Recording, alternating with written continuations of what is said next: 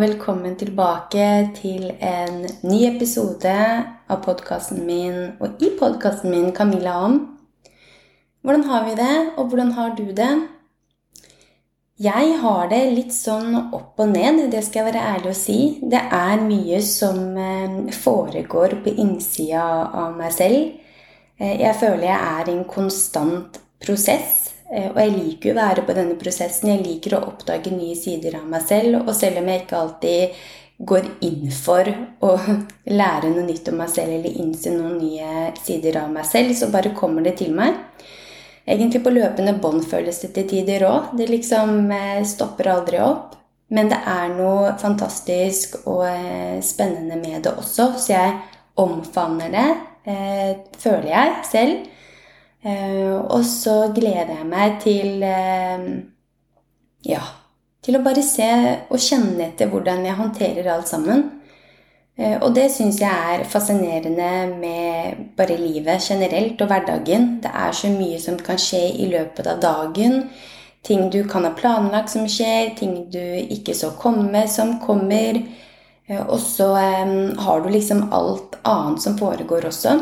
Så eh, som jeg har sagt tidligere òg, det er et himla både tøft og utfordrende og fantastisk det å skulle leve. Og det er nesten sånn der å klappe seg på skulderen for at man faktisk er i live og velger å velge livet. Eh, ja, det er noe annet jeg tror jeg har nevnt ved mm, og i en tidligere episode også, men det var vel også i forhold til mammarollen. Jeg skal komme litt tilbake til også det, men det er bare en liten digresjon nå. Men faktisk det å velge livet fremfor å ta sitt eget liv. Hørtes litt eh, tragisk ut, det der. Men det er jo ofte vi hører det. At eh, det er veldig Ja, selvmord skjer, og jeg skal ikke gå akkurat inn på det. Det er mange ulike grunner til det. Men vi har jo fraser som faller ganske lett ut av oss. Dette med at jeg kunne dødd for den, jeg kunne gjort hva som helst for det, jeg kunne hoppet ut av eh, en eh, bro for den personen osv. Eller, eller jeg kunne dødd for barna mine. Det var det jeg begynte å tenke på en, etter at jeg selv ble mamma. at sånn, wow, Tenk at det er så lett for oss å si disse tingene høyt. At vi kunne dødd for ulike personer.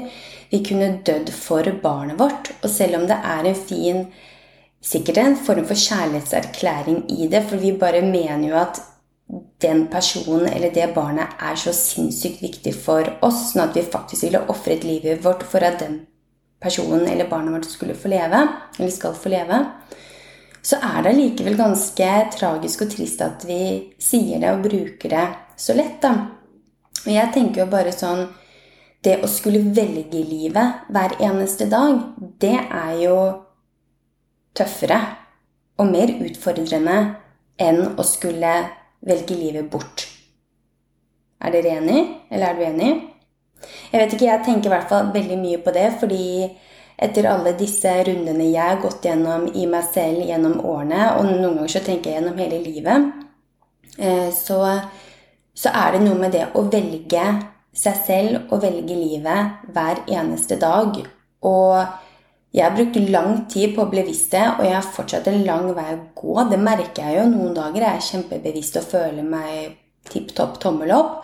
Mens andre dager så føler jeg på en måte at jeg mister litt grep og mister litt den derre Å ja, men hvor er jeg nå? Nå bare føler jeg at jeg favner eller driver og bare soser på en måte litt rundt, både i mitt eget hode, men også i hverdagen.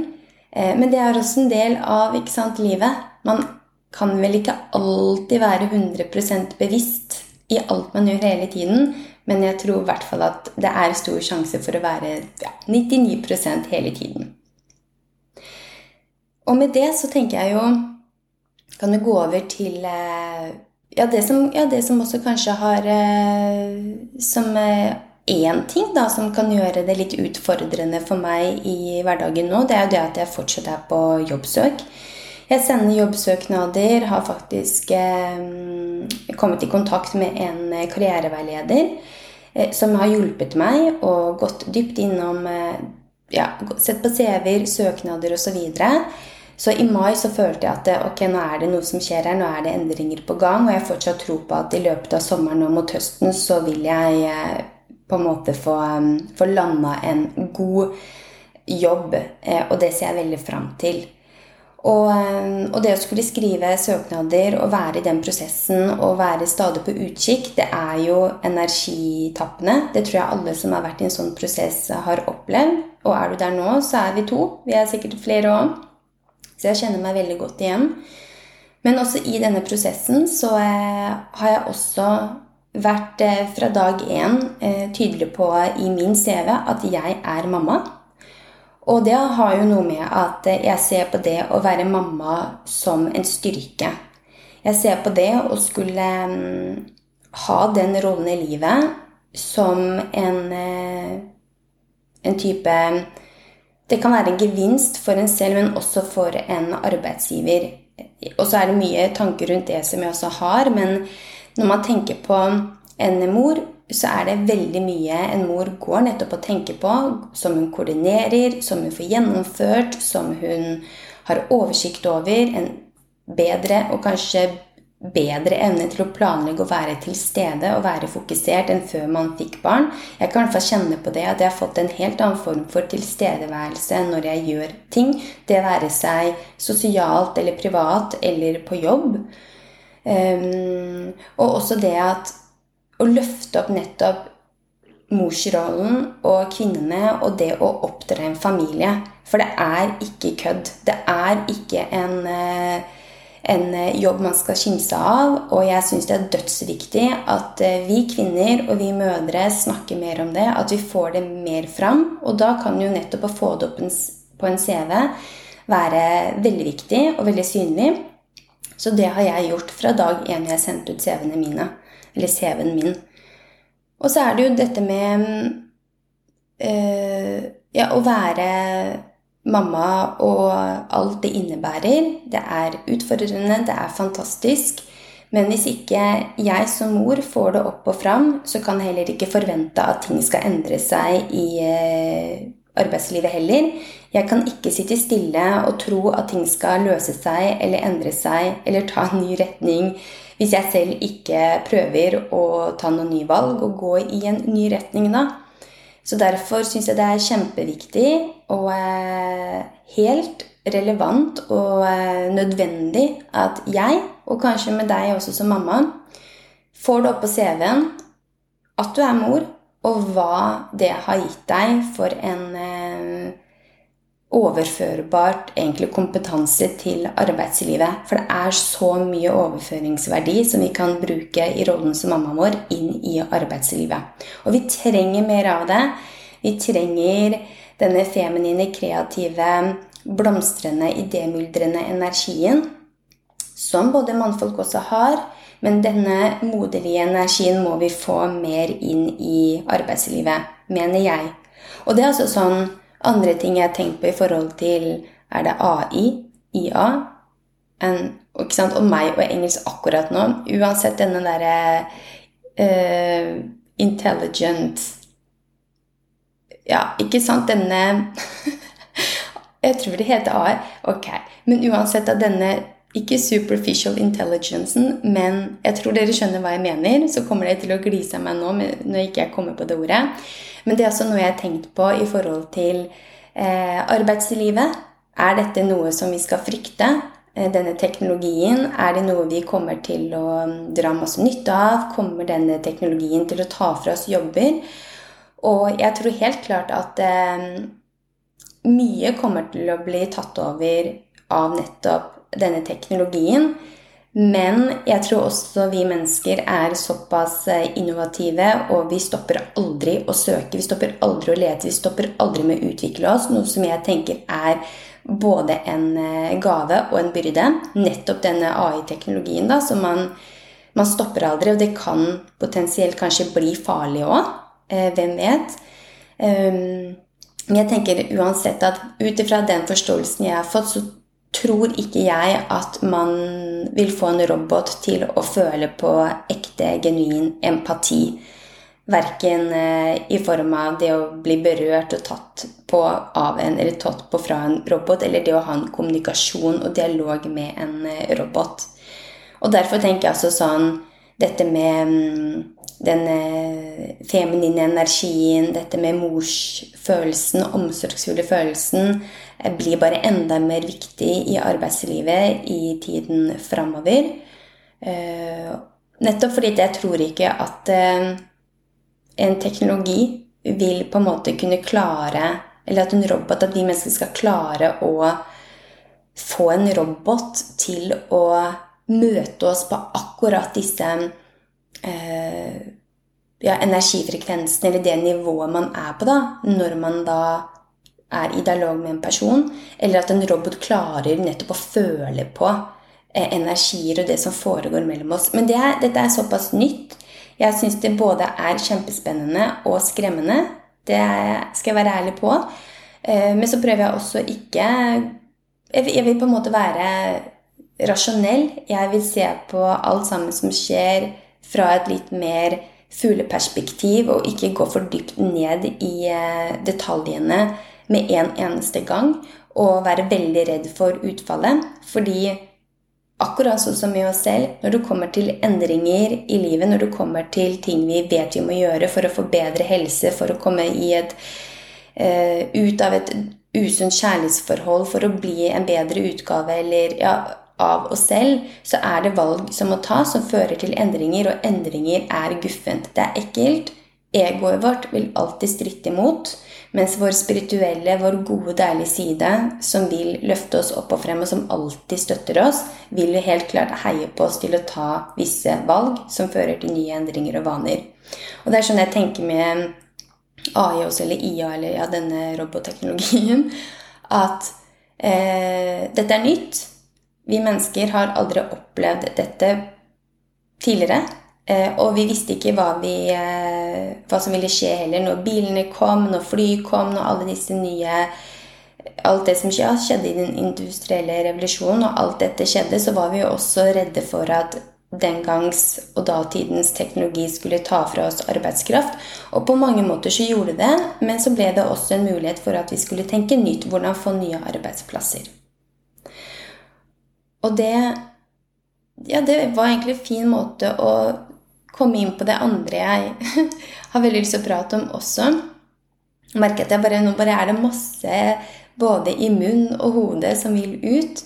Men nettopp dette med framtidens eh, konsulenter og terapeuter. Og det er faktisk en liten, eh, et lite fellestrekk der, tenker jeg nå, ut ifra nettopp det å ha denne robotteknologien, det å være løfte opp mammarollen og faktisk det den, Både den stillingen det er For det er faktisk en det er en stilling, det er en jobb, det å være mamma. Og som jeg sa nettopp, at det, det har en overføringsverdi til arbeidslivet. Og det samme tenker jeg når det kommer til eh, framtidens terapeuter eller psykologer.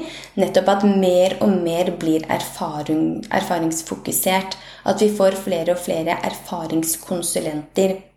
Og det var jo også en av grunnene til at jeg bl.a. hadde lyst til å utdanne meg til å bli coach. Og jeg tok en litt annen, jeg tok ikke helt den der eh, firkanta veien om det var business coach eller um, idrettscoach eller den mentale trener-coach-veien. Uh, jeg ville også ta den andre, eller få med meg det spirituelle, det med det holistiske synet på oss mennesker. For jeg mener jo det har jo kommet frem i alle episodene mine, vel, at vi er en del av hele universet. Vi er mer enn bare kinn og eh, kropp og blod og vann. Vi er et spekter og en del av alt som vi omgir oss i. Eh, og det tror jeg også og, og, i tillegg så vil jeg jo også bruke mine erfaringer og min historie på å nettopp hjelpe andre i samme situasjon. Eh, jeg tror det er ekstremt nyttig. Eh, hvis du går til en psykolog, eh, så vil man komme til en fagperson som ikke kanskje har gått igjennom det samme som deg, om du går til en psykolog for ulike grunner. Og det kan oppleves veldig på en måte medisinsk, eller bare Nå mistet jeg også det ordet. Men at det er ikke kanskje tilpasset deg, og man får ikke helt den eh, connection som man ønsker da, med nettopp en psykolog eller person som skal hjelpe deg videre på veien til å bli frisk. Og jeg har jo delt litt av min, min erfaring når det kommer til det å være utlada og deprimert. Og jeg har også nevnt litt i forhold til dette med veldig lav selvfølelse og det å ha et usunt kroppsbilde i ung alder, som også førte til at jeg begynte å tulle med mat, som igjen førte til at jeg fikk et usunt forhold til mat. Jeg har ikke kommet så mye inn på det, faktisk. Det er noe jeg skal dele enda mer i en senere episode. Men det er i hvert fall en historie og både en bagasje som jeg har med meg, som er verdifullt når jeg coacher og hjelper andre. Og det tror jeg bare blir mer og mer viktig i eh, årene som kommer. Det at vi mennesker søker coachere, vi søker psykologer, terapeuter, som har samme type eh, historie, som har gått gjennom det samme som oss. Fordi det vil være mye mer effektivt, tenker jeg. Man vil ikke bruke like lang tid, kanskje, som man ville gjort hvis man går til eh, en person eller fagperson som ikke har gått gjennom det samme. Man får en eh, mye mer tillitsfull eh, connection med det samme. Det er mye mer Og med tillit så blir det trygghet også, og da vil man fortere, tror jeg, også begynne å dele mer. Man klarer rett og slett å sette seg inn i hverandre.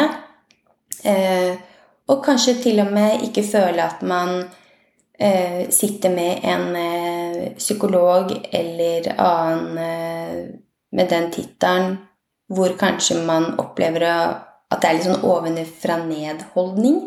Jeg tror ikke det er veldig mange som kan føle på det, men det kan jo være en form for i hvert fall en barriere der. At her sitter en person med masse teori bak seg, og, eh, og nettopp det kan gjøre at man syns det blir mer ubehagelig å dele sine innerste frykter, sine innerste blokkeringer hvis man er bevisst hvilke blokkeringer det er, da, så klart. Eller bare det å åpne seg opp for at 'dette sliter jeg med, og jeg vil ut av dette'. Um, så ja. Jeg tror i hvert fall erfaringsbasert um, tilnærming vil være ekstremt viktig og um, avgjørende i tiden som kommer. Og uh, jeg tror også at det vil være høyst samfunnsaktuelt og nødvendig for at barna våre igjen skal kunne vokse opp i en teknologisk verden. Eh, vokse opp med Og eh, Ja, og det å aldri glemme den de er, og den de blir født, blir født som. Eh, jeg tror at med teknologien nå så er det enda viktigere at vi eh, blir bevisst hvordan vi bruker teknologien, hva bruksområdet er, hvor mye vi skal bruke det, hva, intensjonen med teknologien og bruken av det er. Både for oss selv, men også for barna våre. Barna våre er framtiden vår. Og eh, jeg syns det er Nå begynner man vel å få en form for erfaring og Ja, erfaring på hvorfor eller hvordan vi skal bruke diverse ting. Hva som er positivt med skjermbruk, hva som er det negative. At vi nå også kan begynne å komme med en form for veiledning og rådgivning for hvordan nettopp barna våre skal bruke skjerm. Eh, for skjerm det har kommet for å bli, men vi må bli bevisste og i hvert fall ikke kimse av at det har en negativ effekt på barnas utvikling, på barnas hjerne. Og man merker jo det på en selv også. Man kan ta seg selv, i hvert fall jeg, hvor avhengig man kan være. Eh, hvor deilig det er når man har på flymodus på telefonen og lyden av. Jeg går stort sett alltid med lyden av på telefonen min og har slått av varsler. Eh, eh, men ja, det å bli bevisst dette ja, tror jeg er kjempeviktig. Og også tilbake til da dette med erfaringskonsulenter når det kommer til mental helse og med fysisk helse. Jeg tror vi framover vil se en økende etterspørsel av eh, mennesker, eldre som unge, som ønsker hjelp, eh, som ønsker Som merker at ting ikke er som det skal være. Vi har jo sett en økende grad av, eh, av depresjoner, spiseforstyrrelser, selvmord, eh, flink pike-syndrom eller flink gutt-syndrom i hvert fall etter korona. Og det er ikke noe å, å dytte under en stol. Det er kjempealvorlig. Det mener jeg. Og jeg har lyst til å være en ressurs for de unge der ute, eller for mødre, eller for andre kvinner som har gått igjennom vanskelige situasjoner, om det er utladen, utladethet, utbrenthet, kan man også si, depresjoner, eh, dårlig samvittighet, dette med å eh, Hva prioritere? Jobb, arbeidsliv, hverdag, mor, kjæreste, alle disse tingene her. Jeg tror at vi har så mye å lære av hverandre. Om man ikke er sertifisert coach, så er det så mye vi allikevel kan lære av hverandre bare ved å prate og dele. Eh, jeg opplever at det er veldig mange som er gode på det. Eh, jeg og min krets deler mye, og jeg får veldig mye ut av å prate med mine venner og, og nære og, og, kjære. Også naboer og, og bekjente. Eh, men det er Hvis man ikke åpner seg opp og tar ut, kanskje strekker ut hånda først, så blir det vanskelig for en annen også å vise sårbarhet. Og sårbarhet er jo det som binder oss sammen. Det er det som viser at vi eh, er ikke alene. Vi står ikke alene i hjørnet og er alene med x antall utfordringer, tanker, følelser, problemer, hva det måtte være. Det fins alltid noen der ute som har det samme som deg, som har gått gjennom det samme som deg, som går igjennom det samme som deg. Um, og um, Men ja, det er tøft. Og det skal mot til for å åpne opp om noe som er tøft og vanskelig. Og så klart, det er ikke alle der ute som er verdt ens historie, som er verdt ens eh, indre liv og fortellinger og erfaringer. Man må jo velge etter omhu også, fordi din historie, den er unik. Din bagasje er eh, Ja, den er relevant, den er viktig. Eh, og man skal helt klart eh, også være bevisst hvem man deler livet sitt med, fordi det fins jo mennesker der ute som kan utnytte det, selv om jeg kan være litt naiv, og jeg tenker at de fleste mennesker er naive, sier. De fleste mennesker er gode. De fleste mennesker vil ikke utnytte eh, personer. Vil ikke utnytte en persons sårbarhet eller eh, ja, såre sider til egen fordel. De fleste mennesker er der for å lytte. De selv vil eh, vokse som personer ved å føle og se at man kan være til hjelp. Eh, og det vil også føre til at man åpner seg mer opp og deler. Og åpenhet det skaper nok en gang samhold. Det gjør oss mer eh, ja, mer åpne for nettopp kjærlighet og respekt og omsorg. Eh, noe som nok en gang jeg ikke tror vi kan føle på på en sånn genuin måte hvis man tenker at roboter er det som kommer til å rullere og spankulere og gå rundt i gatene våre og i butikker osv.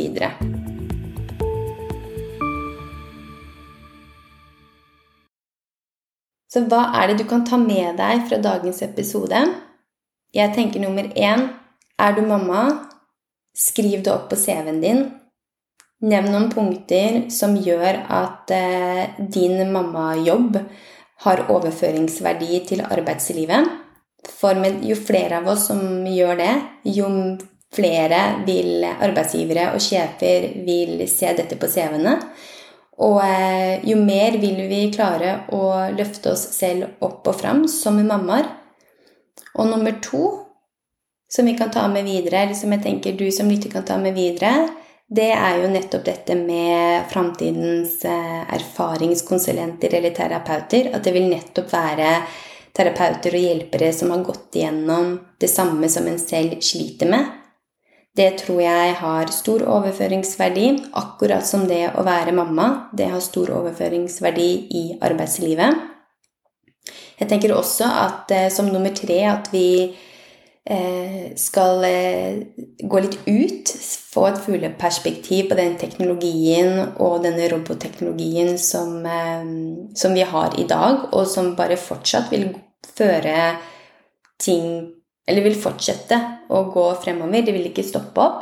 Men også tørre å være litt kritiske til det. Være, stille oss spørrende til hva som skjer, hvordan vi skal bruke det hvordan vi bruker teknologien allerede i dag, eh, og hvordan skjerm og teknologi både gir oss verdi, men hvordan det også kan ta fra oss menneskelig verdi. Det å bli bevisst eget eh, ja, skjermbruk, hvor mye man er på skjerm, eh, ha i bakhodet at det påvirker oss både på en bra måte og en dårlig måte, men som sagt, alt handler om hvordan man bruker det. Um, og at barna våre er framtiden vår. Uten dem så har vi ikke noe framtid, og vi står i en uh, helt spesiell situasjon, en tid i verden. Jeg klarer ikke helt å forklare det. Det høres kanskje litt space ut, men det er bare en fornemmelse jeg har at hele verden nå er i endring. Det er et skifte på så utrolig mange områder. Eh, det er politikk, det er miljø, det er eh, natur, det er univers, det er klima, det er dyr, dyrevelferd, det er vår menneskehet. Alt er i endring, og jeg syns bare det er spennende. Eh, men det er noe jeg i hvert fall går og fornemmer, og som jeg går og føler på. Og det er noe jeg bare syns er kjempefascinerende. Og jeg ser på det med faktisk takknemlighet. Bare guri malla, jeg får lov til å være en del av dette. Dette er livet mitt. Og det å, det å ha blitt født inn i denne verden her uten internett, uten telefon eller iPhone og skjerm, skjerm og touchphone og alt mulig, og få vært med på den reisen, det også er kjempeverdifullt for oss. Og det er noe vi må lære å også få belyst til våre barn og få vist dette, at det var en tid hvor det var sånn, og nå er det sånn. Og også da være ydmyke nok og ikke ha en arrogant holdning til til at, eh, at, skjerm ikke er farlig, men at det også det handler om hvordan vi bruker det, og hva intensjonen bak brukermåten vår er tenker jeg. Ja. Så med det så vil jeg ønske dere en riktig så fin onsdag. En riktig så fin ja, onsdag og dag, rett og slett. Og så prates vi neste uke. Og fram til da så må jeg bare si stå på. Behandle deg selv med omsorg, med respekt. Gi deg klapp på skulderen for at du eh, velger livet. Eh, vi er gode nok som vi er, og vi er eh, rå altså, på ekstremt mange ting i livet vårt. Og livet går opp og ned, men det er også det som er livet. Det er det som er nyansene. Det er det som er um, dualitetene. Det er det som er deilig å føle på. Det er godt til tider, og det er vondt til tider. Uten kjærlighet så vil vi ikke oppleve det motsatte. Uten skuffelse så vil vi ikke oppleve det å være trygg. Så ja. Ha en fin dag av dere. Ha det.